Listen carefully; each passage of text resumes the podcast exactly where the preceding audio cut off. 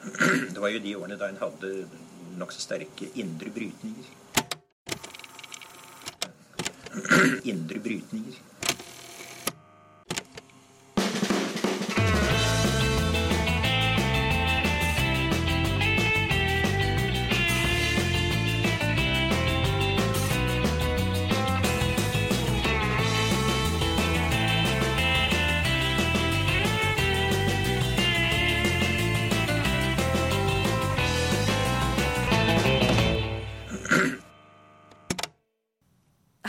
Velkommen til Noen har snakket sammen. Mitt navn er Tiril Rustan Halvorsen. Og jeg heter Aksel Fjelldavli. Um, I dag tenkte vi at vi skulle ta en slags oppsummering av den politiske høsten, Aksel. Ja, Har du noen stikkord til oss? altså vi må jo selvfølgelig innom uh, KrF. Uh, det har jo skjedd. Og så har vi hatt en uh, liten beredskapssak som har uh, rulla godt litt i, litt i kulissene.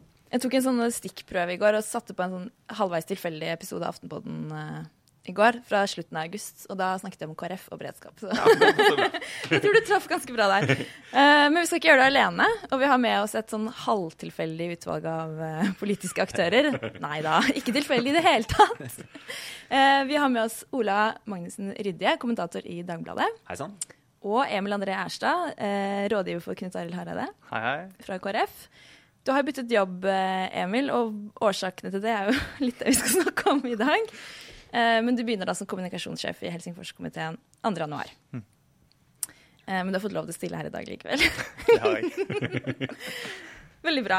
Men før vi liksom dukker helt ned i KrF-suppa, da er jeg ikke sikker på at vi kommer oss opp igjen, så må vi se litt større på høsten. Og Ola, du har jo eh, fulgt i hvert fall spalten i Dagbladet ganske tett. Hva, hva har preget de siden eh, vi tok eh, fatt på høsten? Altså Hvis du tar eh, mener at vi liksom ikke skal snakke om KrF da eh, Ok, ja, Det blir vanskelig, syns jeg. Nei, altså det er, det er jo meteornedslaget KrF og vrakrestene rundt som har prega hele den politiske høsten. Også i våre spalter. Det er ingen tvil om det. Eh, Det kommer jo som et, som et sjokk på noen, ikke så overraskende på mange andre. Eh, Men i det hele tatt, det er jo Knut Arild Hareides eh, helomvending mot venstre, eh, og alt spillet rundt har jo prega, prega hele høsten. Og da selvfølgelig stikkordet abortdebatt, eh, som kom også i kjølvannet av det da med Erna Solberg og Kjell Ingolf Ropstads sleipe manøver for å, for å dytte Hareide ut av kurs og Så, så, så. ned i grøfta. Ja, han klarte jo det, da. Du bytter jobb, Emil. Det- Men går, går det an å spørre om hvilke eh, saker som du har skrevet, eller som har blitt skrevet, som har blitt virkelig har satt fyr på teltet, liksom? Nei, det, er, det er en, har vært enorm interesse for, eh, for KrF, men jeg vil jo si at det er jo abortdebatten som har, eh, som har eh, virkelig liksom eh, fått opp temperaturen i samfunnsdebatten siste halvåret. Det er jo sånn, Man kunne jo tenke at du var innom beredskap. Kunne jo tenke at det, det var noe man skulle snakke mye mer om. Det kunne vært eh, Siv Jensens hytte. Det kunne vært eh, FNs klimapanels eh, rapport om at nå når vi ikke 1,5-gradersmålet, og det er jo katastrofalt. Altså, det kunne vært veldig mye annet.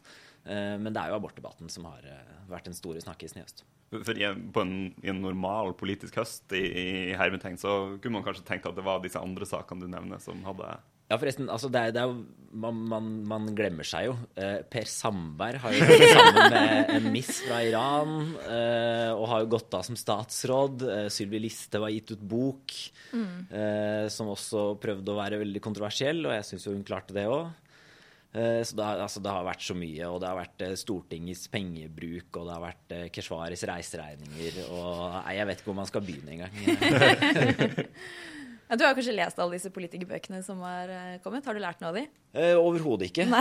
Eh, nei, Inkludert Knut Arild sin? igjen. Altså, jeg, jeg, jeg ga, trilla jo en snill firer til Knut Arild Hareides bok. Eh, den syns jeg hadde en del fine, fine og gode passasjer for folk som vil forstå han og hans prosjekt. Eh, som vi nå ikke får noe av, da, men likevel. Eh, hva, hva han egentlig ville.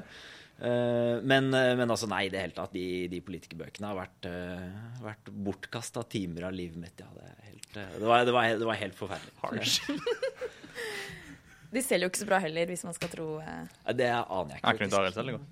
Knut Arild sin. Ja, det var kanskje Per eh, Sandberg sin og Bare Letnes sin bok. Ja, den, den hadde faktisk sånn Det var interessant å lese bare Letnes kapitler om oppveksten og, og det her. Det var, det var interessant nok. Og så var det jo egentlig en sånn dørgende kjedelig bloggreiseskildring fra hvordan det var, var å være i Iran. Sånn, det var trafikk, og det var fjell, og det var folk, og det var eh, Akkurat som i Norge, egentlig. Akkurat som i Norge. Og så var det jo det oppgjøret med pressen som aldri kom, da, omtrent. eh, Med unntak av et, kanskje et litt sånn litt rettferdighet med Fiskeribladet, som har jo ja, ja. Ja. Jeg skjønner. Men da trenger vi egentlig ikke å tvære så veldig mye med ved det. Nei, ikke les det, ikke kjøp det til noen. Ikke, det er min Ikke anbefaling. i hvert fall. Jeg har skrevet Nei. noen gode anmeldelser av de, så dere kan gå inn. Jeg ville kjøpt Daris bok. Det anbefaler jeg eh, Det anbefaler Olav egentlig, altså, hvis du leser anmeldelsen. Ja, jeg fikk jo den i en sånn anmeldereksemplar fra forlaget. Jeg tror jeg Nei, jeg fikk noe fra deg, sant? Jeg fikk. Jeg fikk ikke det anmeldereksemplaret jeg var lova. Det var Nei, det var sånn. sånn det var. Er sånn da? Ja, ja. Eh, men Emil, da, siden, siden du er her, eh, så, og vi er alle enige om at KrF har preget eh, spaltene, så må vi høre litt mer om hva som skjedde, hva du tenker i ettertid. Eh, kanskje først, når var det du forsto at eh, det var denne Altså at det var At Knut Arild skulle ta et så tydelig valg? Det forsto ikke jeg eh, før rett før. Altså eh, Jeg forsto veldig lenge, og det tror jeg mange gjorde jeg, det, eh, det, det Ola sier her, at for noen var det som et sjokk, og for andre var det en forventa eh, retning. Eh, det tror jeg handler veldig mye om hvilket øye det, brukte å se. Eh, og hva politisk analyse de gjorde. Eh, men Knut Arild har jo i mange år gitt uttrykk for at han har hatt et problem med Frp. Og på en måte Det har vært Altså, han kunne jo gått inn i regjering for fem år siden og vært statsråd og eh, vært en del av det prosjektet som nå eh, vant fram på landsmøtet. Eh, han har bevisst ikke gjort det, og han har jo brukt masse energi og gallerier på å unngå å få det til, eh, og finne et alternativ. Men eh, at han skulle gjøre dette sånn som han gjorde det i høst, det var ikke jeg klar over før, rett før. For det var han veldig usikker på sjøl. Hvis det er sånn da, at han var så usikker på hvor han, eh, hvor han skulle gå, at han bestemte seg rett før, så er det, da er det fascinerende liksom, hvor hårfin den balansegangen er mellom at KrF har lyst til å tippe til høyre eller til venstre, altså den eh, maktpragmatismen eller hva man vil kalle det, eller altså eh, hvilken ideologisk linje man legger seg på, hvor, hvor ille må Frp være før man skal tippe, f.eks. Altså, det er en del sånn eh, ja, en del spørsmål som melder seg, i hvert fall etter en sånn Absolutt. Og det er jo, det er jo forståelig. Eh, eh, poenget mitt er at, eh, at Knut Arild skulle holde en tale 28.9., som du kaller et meteor, meteornedslag. Eh, og som jeg òg følte som, som det, men jeg var mer i euf eufori eh, over, over det som ble sagt. Eh, Og så var det noen som beskrev det øyeblikket som at de aldri hadde sett spredt eh, trampeklapp før. At, det at det er veldig sjelden at det er liksom sånn noen rundt i rommet som står og liksom tramper og klapper og er veldig fornøyd, mens andre sitter og er helt ja, det var målløse. Altså, Det var et tegn på hva som kom til å Men han, han, han, eh, at han gjorde det da, det visste jeg ikke. Men eh, at Og hvordan han kom til å, å gjøre dette, altså hvordan han kom til å manøvrere Men at han var den at han hadde en motstand mot å sitte i regjering med Frp, og at han ville gi uttrykk for den på et tidspunkt, det tror jeg alle som kjenner Knut Arild Hareide, har tenkt de siste årene. De Partiet har vel et vedtak om at de ikke skal sitte i regjering med Frp? de hadde et vedtak om det før eh, et nytt vedtak om 2.11. Men, men så er det også klart at eh, litt uavhengig av hva som på en måte faktisk skjedde, og hvilket valg som faktisk ble tatt, altså det at det over flere år har eksistert en liksom realistisk trussel om at det kunne skje, har jo gitt KrF forhandlingsmakt. da. Så man, altså, Det burde jo ikke være helt ut av det blå for noen som helst at det kunne skje. Og Det er jo for, det er kanskje det mest interessante med det som skjer nå. da, Dynamikken i Stortinget og i regjeringen kommer til å endre seg eh, fundamentalt. Eh, og eh, det er jo allerede veldig tydelig at FrPs eh, på en måte eh, mer frislepte fløy eh, bruke det rommet de nå har fått, enda tydeligere. Fordi framover kommer det ikke til å være om KrF er med på notene, eller Venstre eller Høyre er med på notene. Det kommer til å være om FrPs frislepte fløy er eh, er villig til å akseptere den politikken. Og det er der eh, vetoet kommer til å ligge. da. Det er en interessant utvikling, tenker jeg. Da blir det enda enda mindre fristende å sitte i den regjeringen, egentlig? Altså, det vi har sett så langt, er for at det kommer til å se annerledes ut. Og, og jeg tror kanskje at Venstre, KrF, eh, Høyre er politikere som har eh, relativt høy grad av eh, anstendighet og måtte, eh, folkeskikk. Eh, og ikke kommer til å være like villige til å ta i bruk eh, skarp retorikk og virkemidler for, for å true politikken på plass, sånn som vi har sett eksempel på fra eh, Frp på Stortinget. Når, når var det du, for, for å gå tilbake til liksom, prosessen og, og høsten, når var det uh, du skjønte at oi, dette går kanskje ikke? Eller skjønte du det på noe tidspunkt før det skjedde? Ja, altså, jeg eh, hadde trua veldig lenge, eh, og veldig lenge hadde vi veldig god tru eh, på, på dette prosjektet, og, og var veldig overraska over det, egentlig. Eh, fordi eh, vi trodde det skulle være mer motstand. Eh, og det at vi tapte med fire stemmer på landsmøtet, er jo på en måte ja, Jeg hadde ikke trodd det på forhånd, at det skulle være så jevnt. Enten så vant vi soleklart, eller så tapte vi soleklart. Det var det Så vi hvis du hadde kjørt den prosessen 100 ganger, da, eh, hvor mange hadde eh, gitt det samme utfallet, tror du? Har ikke peiling. altså. Hvis du skulle liksom spilt hele høsten på nytt? Nei, hva skal jeg si? Altså, Det spørs om han hadde lært noe og tatt eh, den eh, uavhengige- Rogaland eh, Nei, fylkesårsmøtet men jeg tror kanskje det, det som eh, Altså, eh, det, det hovedspørsmålet som Olav var inne på, er jo på en måte Et av de er jo hvordan abort ble et tema i, i eh, prosessen. Var det Eh, avgjørende? At eh, Ropstad Jeg registrerer bare at KrF-erne sjøl sier at det var avgjørende. eh, Og eh, alle som har fulgt prosessen, tenker vel at Så hvis du skal be meg om et tidspunkt der jeg så at det ikke gikk, så var vel den eh, telefonen eh, eh, om eh, Eller den morgenen der vi så at eh, abort ble et tema. Menneskeverd gikk ut, sa at de ville ha et abortultimatum. Kjell Ingolf gikk ut, Erna gikk ut. Den dagen var vel et, en måte en sånn vag Kjente jeg en vag følelse av at nå snur ting. Da momentum skifter, iallfall. Syns du det er fascinerende nå å se Eller det blir fascinerende å følge hva som blir Erna Solbergs regjeringsprosjekt oppi det hele. Altså Det hun har fått til nå, og trolig får til, da, eh, hvis sonderingene nå er over og de går, eh, KrF går inn i regjering, så er det jo en bragd. Altså en enorm bragd. Én, hun fikk eh, plassert KrF solid på sin side. To, hun har fått en borgerlig flertallsregjering på første gang på hvor lenge? Eh, og bare det at hun har fått samla det eh, ingen trodde at hun eh, kom til å klare, altså hele, alle de fire partiene i regjering, er jo helt enormt. Eh, men så tårner jo problemene seg opp. Altså fra første stund etterpå. Eh, hun må finne ut hvordan spille KrF og Venstre gode eh, i en sånn regjering. Eh, er, hun er helt avhengig av at de kommer over sperregrensa ved neste valg. Altså er, eh, Høyre-velgere kan stemme på mange andre partier enn Høyre, de, men eh, så mange stemmer til å gå rundt at de skal redde stumpene for eh, to småpartier som sliter, det kan bli vanskelig. Eh, Så det er å finne ut hvordan de skal lykkes, hvordan håndtere Frp, hvordan få dette til å være liksom et samla regjeringsprosjekt, ikke bare fire uenige partier som har noen statsrådsposisjoner hver og egentlig ikke har lyst til å ta ansvar for helheten det blir, ja, I det hele tatt det blir veldig, veldig, veldig fascinerende. Men eh, jeg tror hun kommer til å lykkes, i hvert fall i, i nær framtid. Eh, og så blir det spennende å se hvor mye av den abortdebatten som jeg tror har forarga veldig, veldig, veldig mange, også Høyre-velgere, også Høyre-politikere, eh, i 2021. Det blir spennende å se hvor mye det hefter.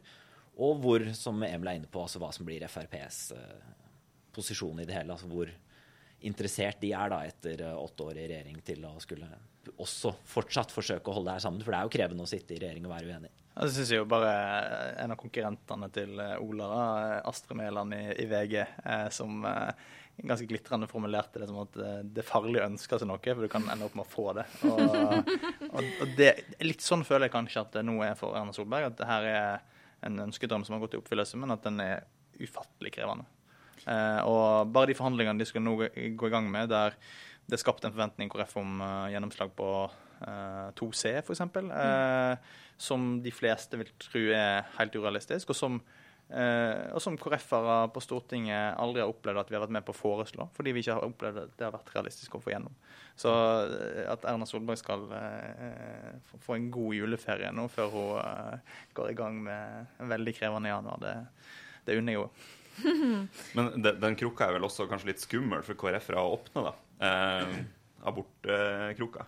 Fordi det er jo en, en eh, Altså, man kjemper jo motvind da, fra, fra KrFs side. Det er jo en, en sterk eh, opinion i, i, folket som mener noe annet enn en eh, KrF. da. Så med en gang man begynner å diskutere abort, så kan man jo risikere at det sklir i motsatt retning. da. Ja, ja det, det, tror jeg du har helt rett i. Og det, er, altså det at KrF diskuterer abort og har foreslått endringer og vil ha endringer, det tror jeg ikke liksom, rokker ved det store abortkompromisset. Men det når Høyre begynner å åpne for endringer, Eh, det tror jeg har gjort at veldig mange tenker at ja, nå, nå er liksom, abortdebatten fri og åpen. Nå kan vi jo prøve å få til liberaliseringer.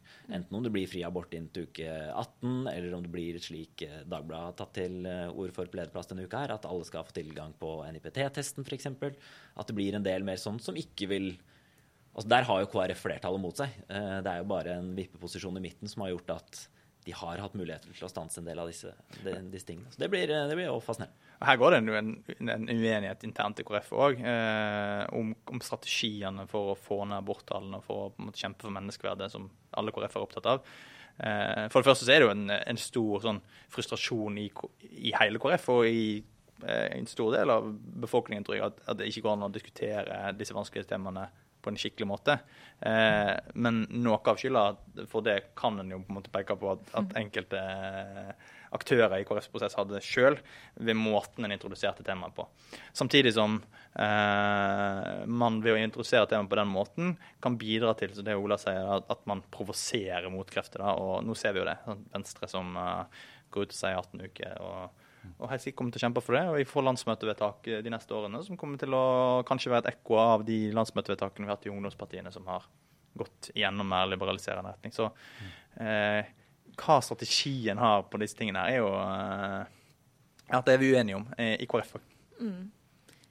Ropstad har på en måte lagt, eller skapt veldig høye forventninger til nettopp disse spørsmålene, i, og det gjorde han sikkert for å vinne den første kampen. Men hva er realistisk, og hva må KrF ha da for å gå inn i en regjering på abortspørsmålet? Nei, det er veldig glad at jeg ikke skal jobbe med andre og at jeg skal sitte og jobbe med menneskerettigheter, demokrati og sånne helt sånn eh, puslete utfordringer. Men, eh, men nei, eh, jeg tror det blir veldig veldig vanskelig å, å si hvor den grensa går. Altså hvor, eh, hva, hva, KrF må akseptere. Men gitt at KrF ikke får gjennomslag på 2C, så tror jeg den forventningen som er skapt, vil være veldig krevende å etterleve uten at en får betydelig innrømmelse på andre områder. Så hvis Erna ikke er villig til å gi 2C Fosterreduksjonsspørsmålet kan jo være en uh... Ja, jeg tror, jeg tror hun kan gå utafor menneskeverdstemaet for å finne ting som kan veie opp for uh, den, uh, et manglende gjennomslag der. da. Mm. Vi glemte jo å si at Solberg må jo slite med en bajas i Knut Arild Hareide. som også skal vel sitte perioden sin på Stortinget ut eh, og være pøbel nå i Jeg tror Knut Arild er innstilt på å fortsette å være Knut Arild Hareide. Eh, det vil si en Han har vært pøbelhest, det. En, sa, en saklig politiker, men som har sine prinsipp.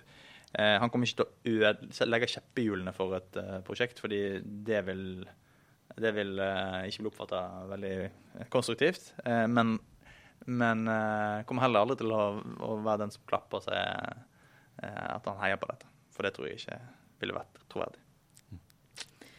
Men da ser det ut som at det blir en Olaug Bollestad som blir leder over jul, da, hvis de går inn i regjering? Ja, altså Hvem som blir leder i KrF, er òg et, spørsmål som uh, er spennende. Uh, nei, altså, der igjen. Uh, jeg har ingenting med det å gjøre Jeg er framme framover. Kom igjen, Emil. Nei, nei, det er ingen tvil om at jeg tror ganske mange partier peker på Kjell Ingolf som en og Sånn som jeg kjenner Kjell Ingolf, så er han en dyktig type. Alle før 2.11. og før den prosessen starta tenkte at han ville være en framtidig god leder for KrF. Eh, så har det skjedd masse i høst som, eh, som gjør at mange har mange følelser i alle retninger. Men jeg kjenner Kjell Ingolf fortsatt som en som veldig dyktig politiker. En pragmatisk eh, eh fyr som søker gjennomslag for, for KrF sin politikk. Han er litt mer høyreorientert enn det jeg er. Eh, og, og, kanskje litt mer høyreorientert enn en del eh, av de som tapte på landsmøtet. Altså abortdebatten til, til side, da, eller hele håndteringen av uh, abortspørsmålet fra Ropstad, så tok han jo et skritt opp under landsmøtet. Eh, det var jo det å gå på talerstolen der rett etter at Knut Arild Hareide har stilt et ultimatum at han går av som leder hvis ikke partiet eh, stemmer slik han vil, og holde en tale som også eh, evna å berøre og vekke engasjement hos de fleste i salen. Det var altså Det tenker jeg sånn Det var partilederaktig for første ordentlige gang, da, syns jeg, fra, fra, Ropstad. Så jeg, jeg, altså, jeg har jo tro på at han kommer til å bli en helt kurant leder for KrF. Det er hardt og brutalt, da, men er det noe dere angrer på at dere satte i gang, Emil, eller noe dere tenker at dere skulle gjort annerledes? Altså, Hva får en, 40, en mann i 40-årene som er partileder for et lite parti til å ofre hele sin politiske karriere uh, i, et forsøk på å få til noe som mange mener er et luftslott, Det er jo et interessant spørsmål. Uh, men svaret på det er vel jeg det angrer, det uh, verken jeg eller de andre rundt eller Knut Arild på sjøl. Eh, og jeg tror grunnen til det handler om liksom, hvorfor en gjorde det. En gjorde det fordi en ser høyrepopulismen på frammarsj i mange land. En ser at høyrepopulismen i Norge har ikke blitt temma ved å sitte i regjering. Eh, tvert imot. Vi ser at den blir enda mer eh, eh, Den får både makt og eh, boltreplass og oppslutning. Eh, så det forsøket på å få til et eh, politisk flertall i Norge, eller en politisk retning i Norge som var et alternativ til den høyrepopulismen, det tenker jeg var verdt det. Og at det var fire stemmer som da avgjorde det. Eh, det er iallfall Når jeg våkner om morgenen, så tenker jeg at OK, det var ikke helt uh, wasted. Det var ikke sånn at uh, dette var et uh, luftslott. det var nære på. Også, Men er det en fløy som fortsatt vil være levende i den forstand at den vil prøve på sikt nå å flytte KrF over på, eller mot sentrum igjen, da, og mot et sentrumssamarbeid? Og hvis det ikke er med foretrukne Høyre og Venstre, så vil det være med Arbeiderpartiet og Senterpartiet f.eks.? Jeg tror liksom uh, det er veldig få i KrF som kommer til å kjempe for noen omkamp nå. Jeg tror Grøvan-alternativet er også lagt død? Ja, det realistiske, det realistiske nå er at det valget her ble gjort. og med mindre noe helt totalt ekstraordinært skjer, uh, så kommer det til å være det alternativet KrF går til valg på òg i 2021. Det har eh, masse sånne hemmelige Facebook-chattegrupper, har vi skjønt. Eller, eller, kunne lese om i avisen, så er det noe sånn uh, ja. Peppers Pizza er best-gruppa uh, som nå plotter uh, plotter overtakelse i 21? Nei, jeg, jeg, tror ikke på det. Jeg tror tvert imot at folk kommer til å gjøre sine vurderinger om KrF er partiet for deg framover. Og for min del så kommer jeg til å gjøre den vurderingen. Ut ifra hva KrF gjør, og hvordan en opptrer. Uh, og det kommer til å være sånn for den, dette segmentet. Men folk vet jo at det segmentet fins. Uh, det vil være For Arbeiderpartiet, for SV, for, for, Senterpartiet, så er det jo veldig tydelig at det er en ganske stor, ja, relativt stor demografisk gruppe da, som, som er opptatt av en del verdiorientert politikk. Som er, har et kristent verdigrunnlag, og som er sosialt engasjerte. Eh, progressive på veldig mange områder. Eh, det tror jeg vil ha altså Som Trygve Svensson skrev faktisk dagen etter landsmøtet KrF i Aftenposten, det vil være med på å forandre norsk politikk fremover. Eh, enten det er i eller utenfor KrF. Men vi må også snakke om eh, litt andre ting som har skjedd i høst. KrF har jo i aller høyeste grad vært uh, involvert i, i, mer enn bare seg selv uh, siste, siste halvåret. Tro det eller ei. En av de sakene er jo denne beredskapssaken som, som har rulla godt. Der var jo KrF-ere ganske tydelig på starten av høsten om at dette var noe man ikke så lett på. Eh, men eh, likevel så endte det da med, med en kritikk i, i, Stortinget nå i desember. Hva, hva, har vært liksom, prosessen og vurderingene der? Ja, jeg tenker Hans Fredrik Grøvan, som har fulgt den saken for KrF, har vært ekstremt profesjonell i en veldig krevende prosess for KrF. Fordi han, han har fulgt denne saken her parallelt med at vi hadde vår debatt. Og han hadde sitt syn, som var sånn tredje syn. Men han var hele tida både internt og eksternt ekstremt tydelig på at uh, uavhengig av hva han kjempa for i KrF-debatten, så skulle han som stortingsrepresentant uh, i kontroll- og konstitusjonskomiteen uh, behandle den saken på korrekt måte og gå inn i det som var det reelle bildet. Og, og jeg opplevde at han gjorde det. Jeg opplevde at eh, Hans Fredrik Grøvan helt reelt landa der han landa, og det var eh, uavhengig av KrFs veivalgsprosess. Så, eh, og så var det gradsforskjeller. Ja, det, mener jeg helt, det mener jeg oppriktig inni hjertet mitt. Uh, og jeg vet at uh, kommentatorer og andre har, har pekt på at KrF uh, feiga ut og sånn, men eh, eh, Hans Fredrik Grøvan eh, mente og gjorde det han sa han skulle gjøre. Men, men, det er jo, ja, men det er jo utvilsomt sånn at det ville vært, um, i hvert fall kommunikasjonsmessig, veldig vanskelig å kommunisere at man skulle felle en regjering etter at man altså, eh, hadde sagt A, og så plutselig så Jeg tror i hvert fall Hans Fredrik. Grøvan, som fulgte saken, eh, sin anbefaling ville vært eh, upåvirka av det. Og, og så kunne gruppa og ledelsen og andre tatt sine, sine strategiske beslutninger. Men jeg oppfatter at han, eh, som komiteens, eh, eller som KrFs representant i kontroll- og konstitusjonskomiteen, gjorde den helt reelle vurderingen av, av den saken. Det er eh, ingen tvil om at det var en veldig veldig alvorlig sak for uh, regjeringa. At hele strategien de møtte Riksrevisjonens rapport med om at dette bare handla om litt tykkere murer, var jo både feilslått og ganske alvorlig. Noe de har jo også måttet gå, gå tilbake på. Så det er, det er ingen tvil om at dette kunne vært en helt, helt fin sak å, å bytte regjering på. Og som hadde vært eh, alvorlig for eh, ettermælet til, eh, til Solberg-regjering, selvfølgelig, som også en gang i tiden stilte til valg på at rikets sikkerhet var liksom en av de viktigste sakene. Så er, eh, og her har, man jo ikke, man jo ikke gjort jobben sin godt nok. Men vi vet jo òg at Senterpartiet var veldig usikre på hva de skulle lande på i den saken veldig lenge. Eh, så at det her var noe sånn straight forward, uh, enkel eh, beslutning for Senterpartiet, Arbeiderpartiet og SV å, å gå for mistillit, det har jeg ingen tro på. Iallfall ikke sånn jeg oppfatter det. Så eh, som, som Ola sier, så var det mulig å lande både på mistillit og, og på det som da ble KFs konklusjon. Jeg tenker man skal ha mm, ekstremt stor respekt for den rollen Stortinget har i mistillitsspørsmål. Altså, det er jo en, en, eh, en, en type avgjørelse som er heva litt over andre. Så det skal jo kanskje bare mangle at det er heva over eh, liksom, maktvurderinger og sånne ting, men så vet man jo også at det er jo ikke alltid det. Men nå snakker du nesten som Hans Fredrik Grøvan. Altså Vil man felle en regjering, så finner man jo en sak. Altså det er, Da er det nesten Da er mulighetene mange eh, i Stortinget for å, for å kvitte seg med noen. Eh, og det vil man jo ikke nå. Så da. Beredskapssaken er jo bare en av flere problemer Erna Solberg sin regjering har hatt, eh, med en sånn trussel om eh, mistillit eh, i tide og utide, kanskje. Men nå blir det jo kanskje en flertallsregjering, og man skulle jo tro at det gjør det lettere for henne, men samtidig så er det Venstre har kommet inn i regjering, KrF kommer inn i regjering. Eh, det blir flere og flere Altså, Det virker som det blir vanskeligere og flere partier det kommer inn. Ja, Venstre har jo ikke lykkes eh, med sin inntreden i, i regjering i det hele tatt. Eh, det må jo være skummelt for KrF å, å se på. Og så kan man diskutere om det blir lettere eller faktisk verre om, eh, nå som KrF går inn.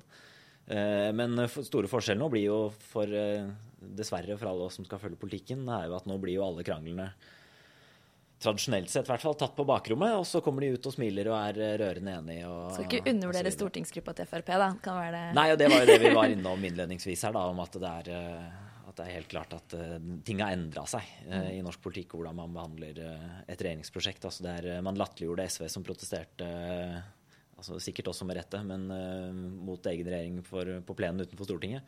Men nå er det jo full, full demonstrasjon eh, inne på Stortinget hver, eh, hver uke Ja. omtrent. Ja, den, den eh, parlamentarismen som denne regjeringa har utvikla, er jo en veldig den, på en måte, eh, videreføring av det SV gjorde, bare i en enda større skala. Og Mm. med enda flere parti. Og SV var jo et lite parti eh, sammenlignet med det partiet Frp er på målingene nå. Det er jo liksom Jeg vet ikke, så, sånn Jon Helgheim i denne eh, migrasjonspakt-saken er jo liksom konsentratet av opportunisme. Altså, her har Fremskrittspartiet liksom vært med på løpet hele veien, og så når det plutselig blir en diskusjon på liksom, dokumentet.no, Resett og sånne ting, så, så, så begynner det å bli snakk om at nei, man skal innta et, et annet standpunkt i, i den saken. Altså, den type markeringer, det er klart at Ja. Jeg vet ikke hva jeg skal si. Altså, nå, Jeg husker ikke hvem i Frp som sa det, eh, men det var om regjeringens nye ulvevedtak også. Så var det vel en stortingsrepresentant for, for Frp som sa at det, dette var et vedtak i regjeringen. Og at det var, eh, det var ikke arrogant ord han brukte, men også si at det var det, da. At det var, liksom, at det var arrogant å forvente at eh, Stortinget også skulle være enig. Og det er jo ganske utrolig. Altså Her har ditt eget regjeringsparti forhandla frem og blitt enig med to andre regjeringspartier og et potensielt regjeringsparti om et, eh, om et vedtak, og så sier du etterpå at sånn men det kan hende jeg stemmer noe annet når saken kommer til Stortinget. Det er jo ganske, ganske utrolig. Du, du var jo innom denne, eh, denne 'Alle skal eh, ned'-boka, Ola. Eh, Ja. Nå har det jo blitt eh, litt mindre tull og tøys og litt mer ordning og reda med Arbeiderpartiet i høst, eller? Går det bedre nå?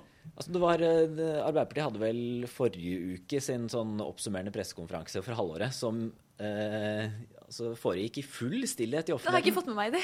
Ikke sant? Ja. Det kan du ikke få med deg. Og, da, og akkurat da tenker jeg sånn Det tror jeg kanskje mange i Arbeiderpartiet syns er litt deilig, da. eh, Hvis Ja. vi ser tilbake på hva, hva skjedde i Arbeiderpartiet på den tiden her i fjor, med full opprulling av metoo-skandaler knytta til da, daværende nestleder. I partiet så, det, så tror jeg mange nå er fornøyd med at sånn, nå det peker gradvis litt oppover på målingene. Det er litt mer ro. Eh, Nå ble det ikke et, et vanskelig regjeringsprosjekt å kommunisere for Arbeiderpartiet heller, med, med KrF inn der, som også hadde vært eh, vanskelig selvfølgelig for, eh, for deler av deres velgere også. Så det er, eh, nå er det sånn, nå er det en liten mulighet for de i hvert fall til å rendyrke eller konsentrere i hvert fall en opposisjon mot eh, det som kanskje da blir et tydeligere alternativ regjering. Og fokusere nå på, på nei, kommunevalget først, og så, så stortingsvalg. Men eh, nei, altså jeg, jeg, mitt inntrykk er at det går jo litt bedre. Og så tror jeg partiet fortsatt har veldig mange av de problemene det har hatt hele tiden, om at de sliter fortsatt med, med å finne ut hva, litt hva de vil av politikken og litt hva, hvor de skal lande. Og det er eh, mye av det den Alle skal ned-boka avdekka, var jo hvor full kaos det var eh, selv i valgkampen om hva de skulle stille til valg på. Eh, som er jo helt ufattelig at eh, Eller man tenker jo ikke det om, eh, om landets største parti. Men tydeligere alternativ, sier du. Er det liksom en rød-grønn regjering, eller? Ja det, ja, det var det jeg tenkte da. At uh, nå er det lett å stille sammen med gamle regjeringspartnere, og så prøve å forklare uh, hvorfor Rødt ikke får være med i, i regjering, men også hvordan den ene mulige representanten som kanskje kan bikke flertallet, også må få lov til å få noen gjennomslag eller være et støtteparti, eller, og samme MDG for så vidt. Mm. Så det er, ikke uten, altså det er ikke uten hindre veien frem fra Arbeiderpartiet heller. Nei, det er ikke åpent mål i 2021. Det Det er blitt lettere. Arbeiderpartiet har Det vel blir- ja. bomma på åpent mål før, så det Eh, men eh, har dere noen sånn eh, Hvem er det som har kommet eh, bra ut, og hvem er det som har kommet dårlig ut av denne høsten? Hvis du ser litt sånn på personer. Nei, så skal man, eh, altså jeg tror jo Det er jo Erna Solberg som kan være mest fornøyd med å ha samla alle rundt bordet. Eh, hun vant jo, og så vant hun på en måte som jeg tror hun skulle ønske at hun ikke vant på. Eh, hun måtte ty til andre triks enn hva vi er vant til å se fra, fra Solberg i hennes politiske karriere. Så kanskje, kanskje seier med en bitte liten bismak, eller i hvert fall en frykt for at dette kan slå tilbake en gang. Men nei, jeg vil tippe at Erna Solberg er aller mest fornøyd. Og selvfølgelig en, en høyrefløy i, i KrF som er veldig, veldig glad det bikka den veien her. Og minst fornøyd selvfølgelig mannen som mista jobben. Knut Arild. Ja, men sant, eh, Hvem kom godt ut av det, hvem kom dårlig ut av det? Eh, Det var det de spurte om. da, Ikke hvem som var mest fornøyd. Ola. Ja. Men, eh, Ja, da kom også fortsatt Hareide dårlig ut av det, siden han eh, tapte og mista jobben. ok, okay. ok. Eh, Jeg, tenk, jeg tenker når, når Erna Solberg sitt første angrep på Knut Arilds forslag i høst, eh, var at eh, han var maktkåt og, og eh, Hva var det andre? Udemokratisk. Udemokratisk og maktkåt. Eh, eh, det kan vel hende at det er flere som sitter igjen med det inntrykket av Erna Solberg etter den høsten, enn en, eh, Knut Arild. Så du vil rett og slett snu på det? At- Jeg tenker kanskje at det kom som en bumerang tilbake. Jeg har lyst til å trekke opp en liten sånn eh, bobler også i Trygve Slagsvold Vedum, som en som har kommet godt ut av høsten, uh, tross alt. Altså, de debattene som ruller og går om kommunesammenslåing, fylkessammenslåing tjener jo Senterpartiet veldig godt. De gjør det godt på uh, morgenene. Det kommer uh, liksom diskusjoner om EØS. Nå er det ulvedebatt. Det er liksom lina opp for et godt uh, kommunevalg for Senterpartiet, sånn som det er nå. Altså det er klart at For Senterpartiet hadde det jo vært stas og bra å komme til i, i regjering og få gjennomslag for saker og sånne ting, men de er gode opposisjonspolitikere.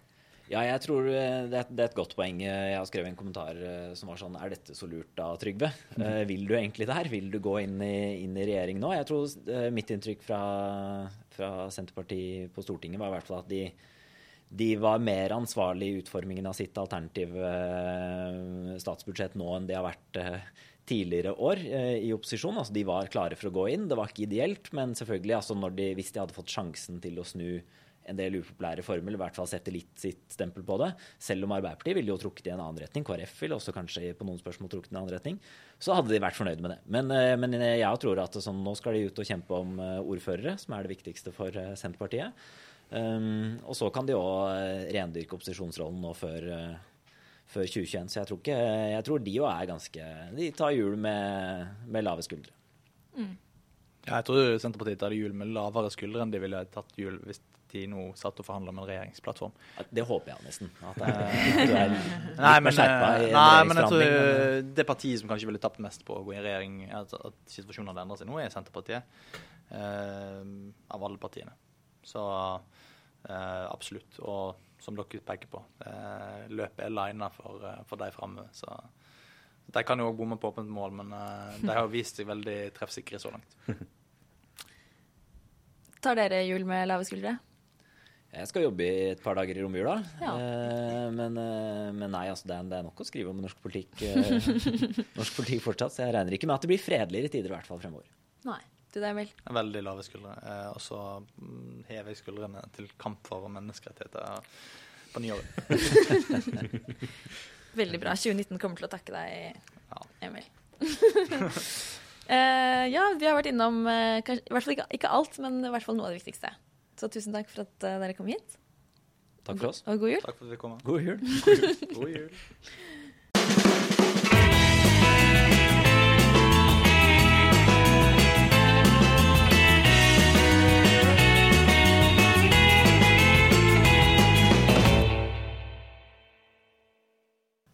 Ja, Tiril, har du, har du, noe å selge nå i Mammons tid? uh, ja, for så vidt. For å anbefale eller selge eh, noe som kanskje ikke har så mye med mammon å gjøre. Men eh, det er jo slutten av året, og mange, det er ikke bare sånne oppsummeringer som det vi har hatt i dag, men også en del kåringer som skjer. Ja. Um, og Aftenposten har en kåring av årets Oslo-borger, og det er jo litt koselig da å kunne gå inn og liksom stemme på en som har gjort noe bra for byen. Um, og der kan du finne annet uh, bandet nummer fire. Og så er det en uh, som heter David Adampour, som er butikksjef uh, på Rema 1000 i Torgata. Der handler vi mye på Som ligger ved siden av jobb. Else Kåss Furuseth kan du stemme på. En uh, dame som heter Ida Fossum Tønnesen. Som ønsker å åpne Oslos elver, sånn at vi kan se på de, og at de ikke bare ligger i rør. Hun er litt intervjuet i dag. Og så er det en Laura Rueslåtten som er klokker.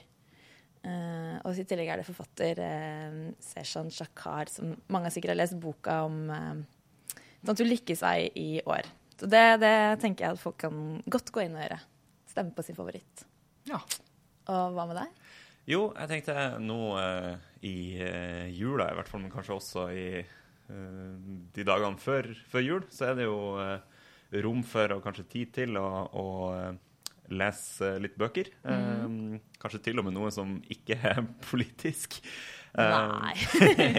så, så, jeg har ei bok som jeg av en eller annen grunn leste på stranda i Syden i sommer, men den heter Advent. da. Advent, du. Ja. Så Den er skrevet av en islandsk forfatter som heter Gunnar Gunnarsson, og handler om ja, en som er på vidda og leter etter noen sauer.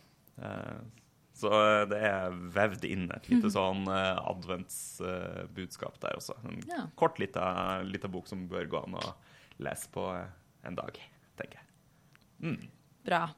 Eh, ja, nei, om en uke så mm, er det midt i romjula. Jeg sitter et eller annet sted og spiser mat, sikkert. Ja, jeg også. Så ikke her, i hvert fall, i studio. Eh, vi tar en eh, liten juleferie, men satser på å komme sterkt tilbake på nyåret. Yep. Uh, I mellomtiden så får vi bare oppfordre alle til å like, abonnere, vurdere oss, uh, tipse en venn. Mm. Uh, og send gjerne inn eh, ønsker om, vi, om temaer og gjester. Tilbakemeldinger. Absolutt. Så da er det egentlig bare å si god jul. Ja, god jul og, og Godt godt nyttår.